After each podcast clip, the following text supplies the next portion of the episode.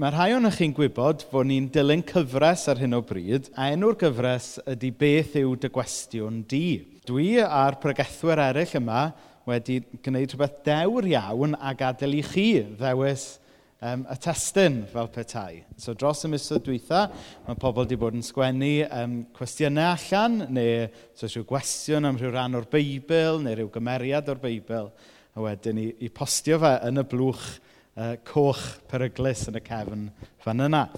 Felly, da ni wedi cychwyn ar y gyfres yma ers dechrau'r flwyddyn. A'r um, cwestiwn sydd gyda ni heno ydy, dwi'm yn cofio os mai dyma oedd yr union gwestiwn a ddod mewn, ond dyma sut dwi wedi sort of, i siapio fo, sef beth yw'r gwahaniaeth rhwng ffydd y Cristion a ffydd y Tystion Jehofa. Na, na i ddim datgelu o flaen pawb um, pwy nath ofyn y cwestiwn yma, ond mae o yn gwestiwn da, dwi'n meddwl. A rhan o'r Beibl, da ni'n mynd i ddefnyddio um, i'n helpu ni heno, yw adnod um, o Iowan, penod 8, adnod 36. Felly, os ydy'r mab yn eich rhyddhau chi, byddwch chi yn rhydd go iawn. Dyna, dyna yw'r adnod sy'n mynd i fod um, tu ôl y neges heno. Diolch am y cwestiwn. Mae'n gwestiwn da. Falle bod pob un ohono ni ddim gyda ffrind neu aelod o'r teulu sydd yn Jehovah Witness, yn un o'r tystion Jehovah. Ond dyn nhw beth yn bell chwaith. Mae, mae pob un ohono ni, mae'n siŵr, wedi cael rhywun yn curo ar y drws. Um, neu, da ni o leiaf, falle wedi pasio i stondyn nhw ar y maes, neu wrth y, wrth y gorsaf um, bysiau yma'n Gynarfon am grefydd gymharol fach, maen nhw'n bobl sydd yn gwneud i presenoldeb yn reit amlwg yn dydyn, yn arbennig falle yn yn hardal ni. Um, felly mae e yn gwestiwn da ac yn gwestiwn perthnasol. Y rheswm arall pam fod e'n gwestiwn da ac yn gwestiwn perthnasol yw oherwydd bod e'n gyfle i ni jyst wneud y pwynt fod pob crefydd ddim yr un peth. Da chi'n clywed pobl yn dweud yn aml dydych, wel, mae pob crefydd yr un peth. Ond mae hwn jyst yn gyfle heno i ddweud bod hynna ddim yn wir. Mae yna rhywbeth arbennig am y ffydd grisnogol. Mae yna rhywbeth arbennig am Iesu Grist sydd yn gwneud yn ffydd crisnogol ni yn wahanol i grefyddau a ffydd arall. Chos dwi yn credu yn reit gryf fod crefydd ar y gorau yn rhyddhau pobl. Ond ar y gweithaf, mae'n caethiwo pobl hefyd. A mae'r cwestiwn heno yn gyfle i ni feddwl rhywfaint ynglyn â hynna. Sef bod, bod crefydd, neu, neu ffydd hyd yn oed, ynddo fe ei hun ddim o'r rheidrwydd yn byth da. Dydy crefydd neu ffydd Chyma, mae jyst dweud, o, dwi'n berson crefyddol neu dwi'n berson o ffydd. Wel, ynddo fe hun, di hwnna ddim yn golygu dim byd. Y cwestiwn ydy, be ydy sylfaen eich crefydd chi? Neu be ydy gobaith eich ffydd? Dyw e ddim yn tycio jyst i dweud, o, mae gen i ffydd. Y cwestiwn pwysig yw, wel, yn beth neu ymhwy mae'ch ffydd chi? A mae'r cwestiwn heno'n gyfle i ni feddwl rhywfaint ynglyn â hynna mae ffydd a crefydd, mae e'n rym pwerus, yn dydy? Mae e'n rym pwerus yn y byd heddiw. Da ni'n gweld gwledydd a rhyfeloedd a, ac yn y blaen. Felly mae'n gwestiwn mor bwysig i ni wneud yn siŵr, gan bod e'n rym mor bwerus, bod ni yn rhoi yn ffydd yn y peth cywir. Mae'n rhywbeth rhy bwerus i ni gael yn anghywir fel petai, a rhoi yn ffydd yn y lle anghywir. Nawr i ni heno'n cyhoeddi mae Iesu Grist sy'n rhoi bywyd i Esu Grist, sy'n rhoi bywyd yn ei holl gyflawnder. A Iesu, fel mae'r adnod yn dweud, sydd yn yn rhyddhau ni. Os ydy'r mab yn eich rhyddhau chi, byddwch yn rhydd go iawn. So beth mae'r tystion Jehofa yn ei gredu? Nawr, dwi ddim yn expert ar y tystion Jehofa. Mae rhaid mi gydnabod mod i ddim wedi rhoi lot o feddwl tan wythnos yma i be mae'r dystion Jehofa yn ei gredu na beth yw ei hanes nhw. Ond dwi wedi gwneud rhywfaint o ddarllen wythnos yma'n paratoi y neges yma. Mae e'n sect crefydd rhai, hyd yn oed yn galw fe'n cwlt, sydd wedi dechrau tua 1870. Felly mae e'n draddodiad gymharol newydd. Jyst i roi syniad i chi, hynny yw mae'r capel yma wedi bod yma dipyn hynach na hynny. Felly mae e'n, hynny yw, mewn termau, mae e'n draddodiad weddol newydd. Nawr, fe ddechreuodd e fel rhan o'r ffydd grisnogol yn Pennsylvania, yn America. Chwbwn, mae popeth, popeth gwyllt a newydd yn dod o America, dydy. Ac um, fe ddechreuodd e yn um, Pennsylvania. A crew o bobl yn dod i drafod y Beibl gyda'i gilydd. Ond yn sydyn reit, dyma'r bobl oedd yn arwen y grŵp yma'n dod i gredu pethau reit wahanol i be mae Cresnogion yn draddodiadol wedi gredu. Er gwybodaeth enw y ddau arweinydd mawr cyntaf oedd Charles Taze Russell, a, a mae lun ef yna, a Nelson Barber. Dwi'n gobeithio mai e ddim fe na ddod allan ar Barber Court, ond ty beth. Nawr, ro'n nhw'n astudio'r Beibl, ond er bod nhw'n astudio'r Beibl, oedden nhw'n taflu allan pethau doedden nhw ddim yn ei licio ac yn ychwanegu pethau oedden nhw isio i glywed. A tasen ni ddim yn dweud dim byd arall heno, mae e jyst yn atgoffa ni bod hwnna'n beth peryglis yn dydy. Pan, pan da ni'n dod at y Beibl, hyd yn oed pan, ni dod, pan da ni'n dod ar draws rhywbeth sydd yn anodd i ddallt, yn anodd i dderbyn hyd yn oed, does dim hawl gyda ni jyst i dorri fo fyny a'i rwygo fo lan neu ychwanegu pethau. Gair diw ydi o i ni. Ac os oes yna rhywbeth ynddo fo'n anodd i ddallt, neu hyd yn oed yn anodd i dderbyn, wel mae'n bwysig bod ni yn gofyn am fwy o ffydd neu'n troi at Gristion arall i'n helpu ni um, reslo a deall y darn yna o'r Beibl yn well. Pan da ni yn dechrau um, rhwygo'r Beibl fyny a i ailunio fo i'n siwtio ni, yna dyna lle mae pethau'n gallu dechrau mynd o'i le. Ar yr wyneb, mi oedd y tystion Jehofa yn eglwys grisnogol, just fel da ni yn, yn eglwys grisnogol. A hyd yn oed heddiw, mae'r tystion Jehofa ar yr wyneb yn ymddangos fel unrhyw eglwys grisnogol arall. Maen nhw'n defnyddio'r Beibl, Tasech chi'n mynd i um, un o'i oedfa nhw, bysa'r ffordd maen nhw'n trefnu pethau'n edrych, digon tebyg i unrhyw eglwys neu capel arall. Ond mae hwnna'n rybydd arall yn un, dydy, sef nid jyst siw mae rhywbeth yn edrych sydd yn cyfru. Sylfaen ffydd rhywun yw'r peth pwysica. Achos da ni gyd yn dydyn yn gallu twyllo pobl eraill. Da ni gyd yn gallu rhoi rhyw sioe ymlaen. Da ni gyd yn gallu look the part ac actio bod yn grisnogol. Ond y cwestiwn ydy, ydy sylfaen yn ffydd ni yn Iesu? Cyn sôn am sut mae'r tystion Jehofa'n wahanol i'r ffydd grisnogol go iawn, dwi jyst eisiau deud rhywbeth bach ynglyn a bod o'n bwysig bod ni'n gwylio bod ni ddim yn llithro i gredu pethau rhyfedd. Nawr, un dyfyniad da ni wedi bod yn rhannu wrth bod ni'n neud y gyfres yma ydy'r um, dyfyniad yma gan Austin Sant. In essentials, unity. In non-essentials, charity. In all things, love. Nawr, beth sy'n tu ôl y dyfyniad yma yw fod yna rhai pethau mae'n bwysig bod ni gyd fel Cresnogion ar yr un tudalen. Pwy oedd Iesu? Be sydd wedi mynd yn anghywir efo'r byd? Be mae Dyw wedi gwneud ar y groes i ddod â popeth nôl yn iawn. Hynny yw, mae yna rhai pethau sy'n ganolog i'n ffydd, yr essentials yma.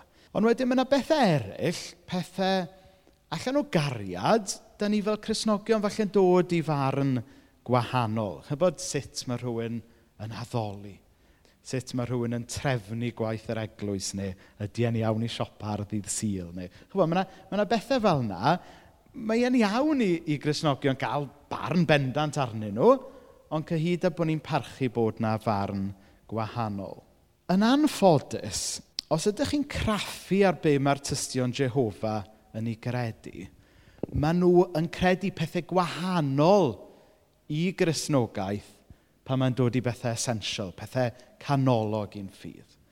A dyna lle mae'n bwysig yn bod ni allan o gariad, a wastad allan o gariad, yn dweud i bod nhw'n anghywir pan mae'n dod i rhai pethau pwysig. Ac allan o gariad, mae'n bwysig bod ni'n chwilio am gyfle i ddweud mae Iesu sy'n dod â bywyd. Iesu sy'n dod â rhyddid go iawn. Fel o'n i'n dweud, mae gyda nhw rhai pethau um, yn gyffredin, maen nhw'n astudio'r Beibl, mae ganddyn nhw faich i genhadu, a weithiau mae, mae baich nhw i rannu ffydd yn ei wedmygu, yn dydy? A, a mae'n rhywbeth da ni fel Cresnogion, falle'n gallu teimlo'n euog bod ni ddim gyda'r un zel a'r un baich yn nhw. Ond pan mae e'n dod i pwy ydy Iesu Grist, yn ananffodus, maen nhw wedi cochi golwg ar pwy ydy Iesu go iawn. Nawr mae e mor hawdd yn dydy fatha i imitato y peth go iawn – heb fod y peth go iawn, go iawn. Okay? Be dwi'n golygu wrth hyn ydy hyn? Nawr, dau stori ddoniol i, i gychwyn. So, rhai blynyddoedd yn ôl, oedd yna wyddel yn gwerthu computers yn marchnad Abertawe, ac enw'i stond yna oedd Mike O. Soft, Gwy, gwyddel oedd e. Stori co hawn. A chyfod, oedd y gwyddel yma'n gallu twyllo pobl gymaint ac oedd o eisiau, ond nid Bill Gates oedd o. Chyfod, falle oedd ei enw fo'n swndio'n debyg, falle oedd yn gwerthu computers. Ond oedd o ddim y real thing, nag oedd. Wedyn, stori arall nes i glywed rhai blynyddoedd yn ôl, oedd bod na ryw, rhywun yn Grinch tawn yng Nghaerdydd yn gwerthu fridges ac enw i siop o oedd Sell Fridges. A tyfod, Ddim os pa mor neis oedd ei fridges o, oedd o ddim yn, o ddim yn Selfridges, y siop Selfridges, y department store, nag oedd. A chymryd, mae'r ma ddau stori ddoniol yna'n dangos i ni bod rhai po pobl, rhai pethau, trio pasio rhywbeth fel un peth tra dydy o ddim mewn gwirionedd. Ac yn trist iawn, dyma ydy achos rhai sectau, hyd yn oed rhai cwltiau fel y tystion Jehofa.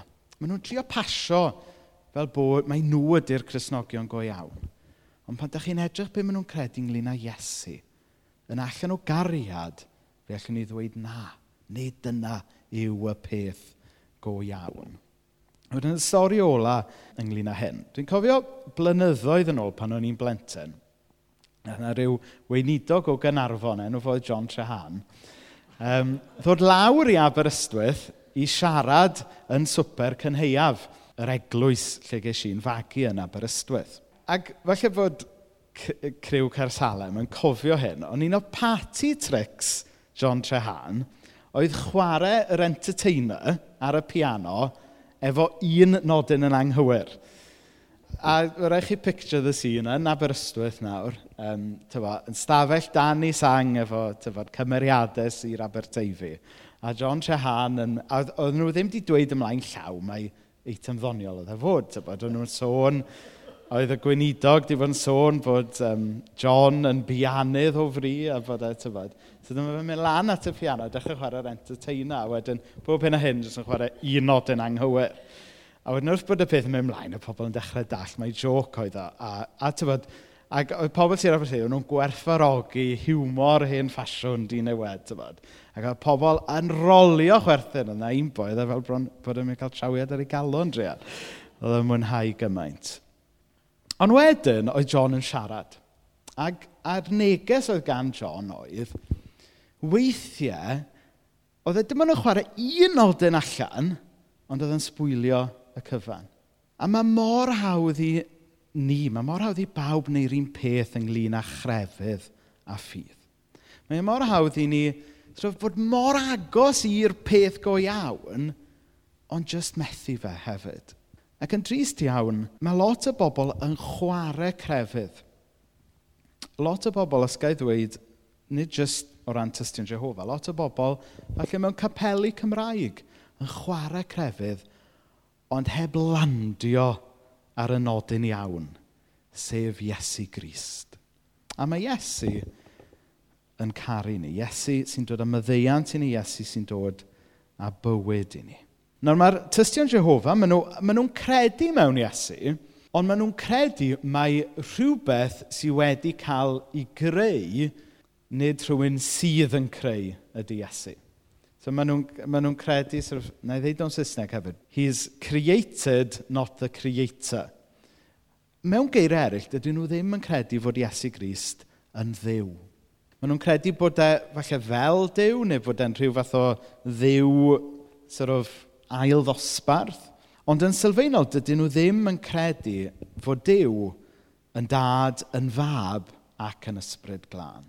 Nawr pam bod hyn yn bwysig? Pam bod credu fod Iesu Grist yn Dduw yn bwysig? Wel, oherwydd mae Dyw i hun, Iesu Grist, nath farw ar y groes. Mae problem fawr, mae pechod mawr yn gofyn am waredwr mawr. Ac felly dim ond Iesu Grist, mab Dyw ei hun, oedd yn gallu wneud iawn am bechodau ddoi heddiw a fori. Doedd rhywbeth ail ddosbarth, oedd rhywbeth oedd bron a bod yn ddew, neu chydig yn is na ddew, ddim digon da. Rhaid i ddew ei hun farw ar y groes er mwyn ennill y byd cyfan yn ôl iddo fe ei hun. Oedd Iesu yn fwy na jyst esiampl i ni. Iesu oedd wedi'n prynu ni. Y rhan arall o broblem y tystion Jehova yw, da ni fel Cresnogion yn credu mai beth sy'n neud ni'n iawn efo Dyw ydy ffydd yn Iesu Grist. Ffydd syml yn Iesu Grist. Does dim rhaid pasio rhyw arholiad, does dim rhaid cael hyn a hyn o brawni points, does dim rhaid bod chi wedi dod i'r capel dwywaith y sil trwy eich oes i gael mwynhau perthynas efo Dyw, ffydd syml yn Iesu Grist yw'r unig beth sydd yn cyfru. Ond yn drist iawn, mae'r Tystion Jehova, maen nhw, maen nhw yn dysgu bod ffydd yn Iesu'n bwysig, um, ond maen nhw hefyd yn dysgu wedyn bod rhaid i chi ymroi yn llwyr i'w crefydd nhw, a dyma pan bod rhai pobl yn disgrifio fe fel cult, a wedyn bod rhaid i chi gadw y man reolau yma yn hollol, hollol strict. Dydy hynna ddim yn ryddid, na di. Os da chi yn meddwl bod eich perthynas chi gyda Dyw, hynny yw bod, bod eich heddwch chi yn y nefoedd yn dibynnu ar bod chi wedi cadw pob un rheol, yna dych chi ddim yn ei ffeindio heddwch, na dach? Achos os ydych chi fel fi, ta beth, sy'n diwrnod yn mynd heibio le dych chi wedi baglu rhywle. Does dim wythnos yn pasio le da chi wedi siomi rhywun heb sôn am siomi Dyw, dyw'r fath yna o grefydda ddim yn dod â rhyddid i ni, na. Rhyddid ydy gwybod fod hyd yn oed pan da ni'n baglu, fod ni'n saff efo Dyw, achos fod Iesu wedi delio efo pechodau ddoi, heddiw ac yfori. A dwi'n meddwl bod hwn yn her i ni gapelwyr Cymraeg llawn gymaint a tystion Jehofa. Mae mor hawdd i ni slipio i feddwl bod ni rhywsyd yn gallu prynu yn ffordd i'r nefoedd drwy feddwl, os wnawn ni jyst byw bywyd da, os wnawn ni fod yn ffyddlon i'r capel, os wnawn ni roi pres i elusen, fyddwn ni wedyn wedi sort of, ennill digon o brownie points i ddew yn derbyn ni. Dal i glywed tipyn o bobl yn dweud, gobeithio mod i wedi byw bywyd digon da i fynd i'r nefoedd.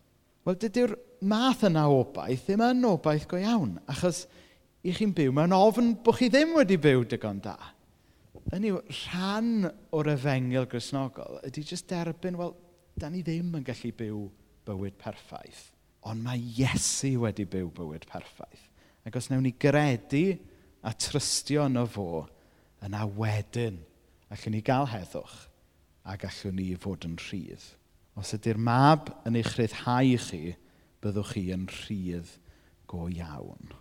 Felly, dyna yw'r prif wahaniaeth rhwng y tystion Jehofa a Cresnogaeth sort of, normal, os, os chi eisiau rhoi y beth. Sef bod ni fel Cresnogion, da ni'n credu mai ffydd yn Iesu sy'n dod â rhyddid i rhywun, a nid cadw rhyw fan reolau yn neurotic. Felly, sut mae ymateb i'r tystion Jehova? Sut mae siarad efo tystion Jehova? Falle bod dim ffrindiau ganddo ni sy'n tystion Jehova fel, fel rhai pobl yma, ond da ni, da ni gyd rhywbryd mynd i ddod ar eu traws nhw. Maen nhw'n mynd i ddod yn taro ar eich drws chi. Falle fydd na rhywun yna heno, neu falle bod y tywydd rhy fawr. Y pwynt cyntaf, mae'n bwysig yn bod ni'n gweddio dros y tystion Jehofa. Mae'n bwysig bod ni'n gweddio dros yn holl ffrindiau, yn holl deulu, sydd falle ddim wedi profi'r rhyddid mae Iesu yn ei gynnig. So dyna'r peth cyntaf yw gweddio. Yr ail beth yw mae'n bwysig yn bod ni yn esbonio allan o gariad sut mae'n ffydd ni yn wahanol i ffydd y tystion Jehofa. A ar lle mae gwneud hynny, yw canolbwyntio ar Iesu. Pwy ydy Iesu a be mae Iesu wedi i gyflawni? A dwi'n meddwl mae'r mae ffordd gorau yn wneud hynna ydy sôn am Iwan 1. Na i jyst darllen yr adnodau'n sydyn. Um, y gair oedd yn bod yn y dechrau cyntaf. Roedd y gair gyda Dyw a Dyw oedd y gair. Roedd gyda Dyw o'r dechrau cyntaf un. Drwyddo ef y creuwyd popeth sy'n mewn bod. A mae jyst yr ychydig adnodau syml yna yn atgoffa ni fod Iesu Grist yn ddiw. A fod Iesu Grist wedi bod yna o'r cyntaf un. Ond pan da ni yn sort of, trio esbonio i Tystion Jehova sut mae'n ffydd ni'n wahanol, mae e mor bwysig i wneud e allan o gariad. Achos chyfo, mae e mor hawdd, maen nhw'n dweud yn dydyn, never discuss religion and politics. A, a mae e yn hawdd i ni fynd i ddadle yn ffydd, chybod. Ond does neb mynd i gael ei dadle mewn i'r nefoedd fel petai, nag oes?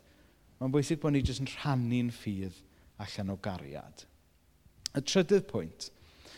Mae'n bwysig bod ni ddim yn cael yn sort of, bogio lawr yn dadle am bethau non-essential. So mae'r testyn yn credu um, lot o bethau, be allwn ni ddeud, um, chydig bach yn wacu.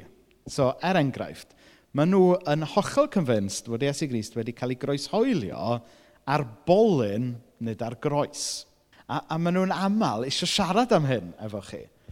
Nawr, ar rywydd, maen nhw'n anghywir, os mae'r Beibl yn dweud mae ar groes, ond ar rywydd, does dim ots nag oes. Y pwynt ydy mae Iesu wedi marw dros bechodau ddoe heddiw ac yfori. Os nath y farw ar bolyn neu ar groes, dyw hwnna ddim yn fater, chybod, i ni neu safiad drosto.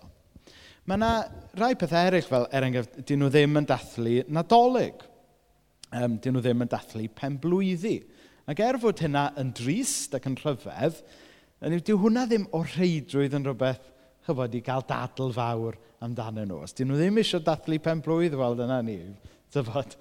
Um, dyn nhw ddim yn dathlu yn adolyg, mae'n debyg oherwydd bod gwreiddiau'r nadolig yn wyl baganaidd a bo well gyda nhw roi y sylw i'r pasg. Ar rywydd, mae'n anodd dadlen erbyn hynny. um, ond be bynnag am hynny. Ond y pwynt ydy, mae mor hawdd i ni fynd yn styc ar rhyw ddadleuon am bethau bach, ond y peth pwysig ydy beth da ni'n meddwl am Iesu. Dyna, dyna yw le mae'n bwysig cael sgwrs ynglyn â fo. A wedyn, yn olaf, a dwi'n meddwl mai hwn actually ydy'r peth pwysica. Os da chi erioed wedi cael dadl efo tystion Jehofa, chwa be, maen nhw'n ddadleuwyr da. maen nhw yn gwybod i pethau, o leiau pethau nhw. Maen nhw'n well-versed yn ei dadleuon. Maen nhw yn gwybod i Beibl, i Beibl nhw, llawn cystal os nad gwell, a da ni grisnogion falle'n gwybod yn Beibl ni. Felly, ar ryw wedd, newch chi ddim ennill os i chi ni jyst yn dibynnu ar ddadleuon. Ac felly, dyna pan fel Cresnogion bod y ffordd da ni'n byw yr un mor bwysig, os nad yn fwy pwysig. Pan mae rhywun, chybod, yn gyda'i meddwl wedi cael yn llwyr, allwch chi ddim rili really dweud dim byd i dorri trwyddo. Ac felly mae'ch agwedd chi tuag atyn nhw ydy'r dystiolaeth gryfa. Mae'r Beibl yn dweud, felly, os ydy'r ma, mab yn eich rhyddhau chi, byddwch yn rhydd go iawn. Felly mae'r dystiolaeth orau da ni'n gallu rhoi i'r tystion Jehofa ac unrhyw un falle sydd ddim yn adnabod Iesu, ydy dangos beth ydio i garu pobl fel tasan ni'n rhydd i fyw bywyd fel tasau ni'n rhydd. I fyw fel bod ni ddim yn gaeth i reolau, ond bod ni'n rhydd i faddau. Bod ni'n rhydd i garu. Bod ni'n rhydd i addoli yr Iesu sydd wedi'n prynu ni yn rhydd.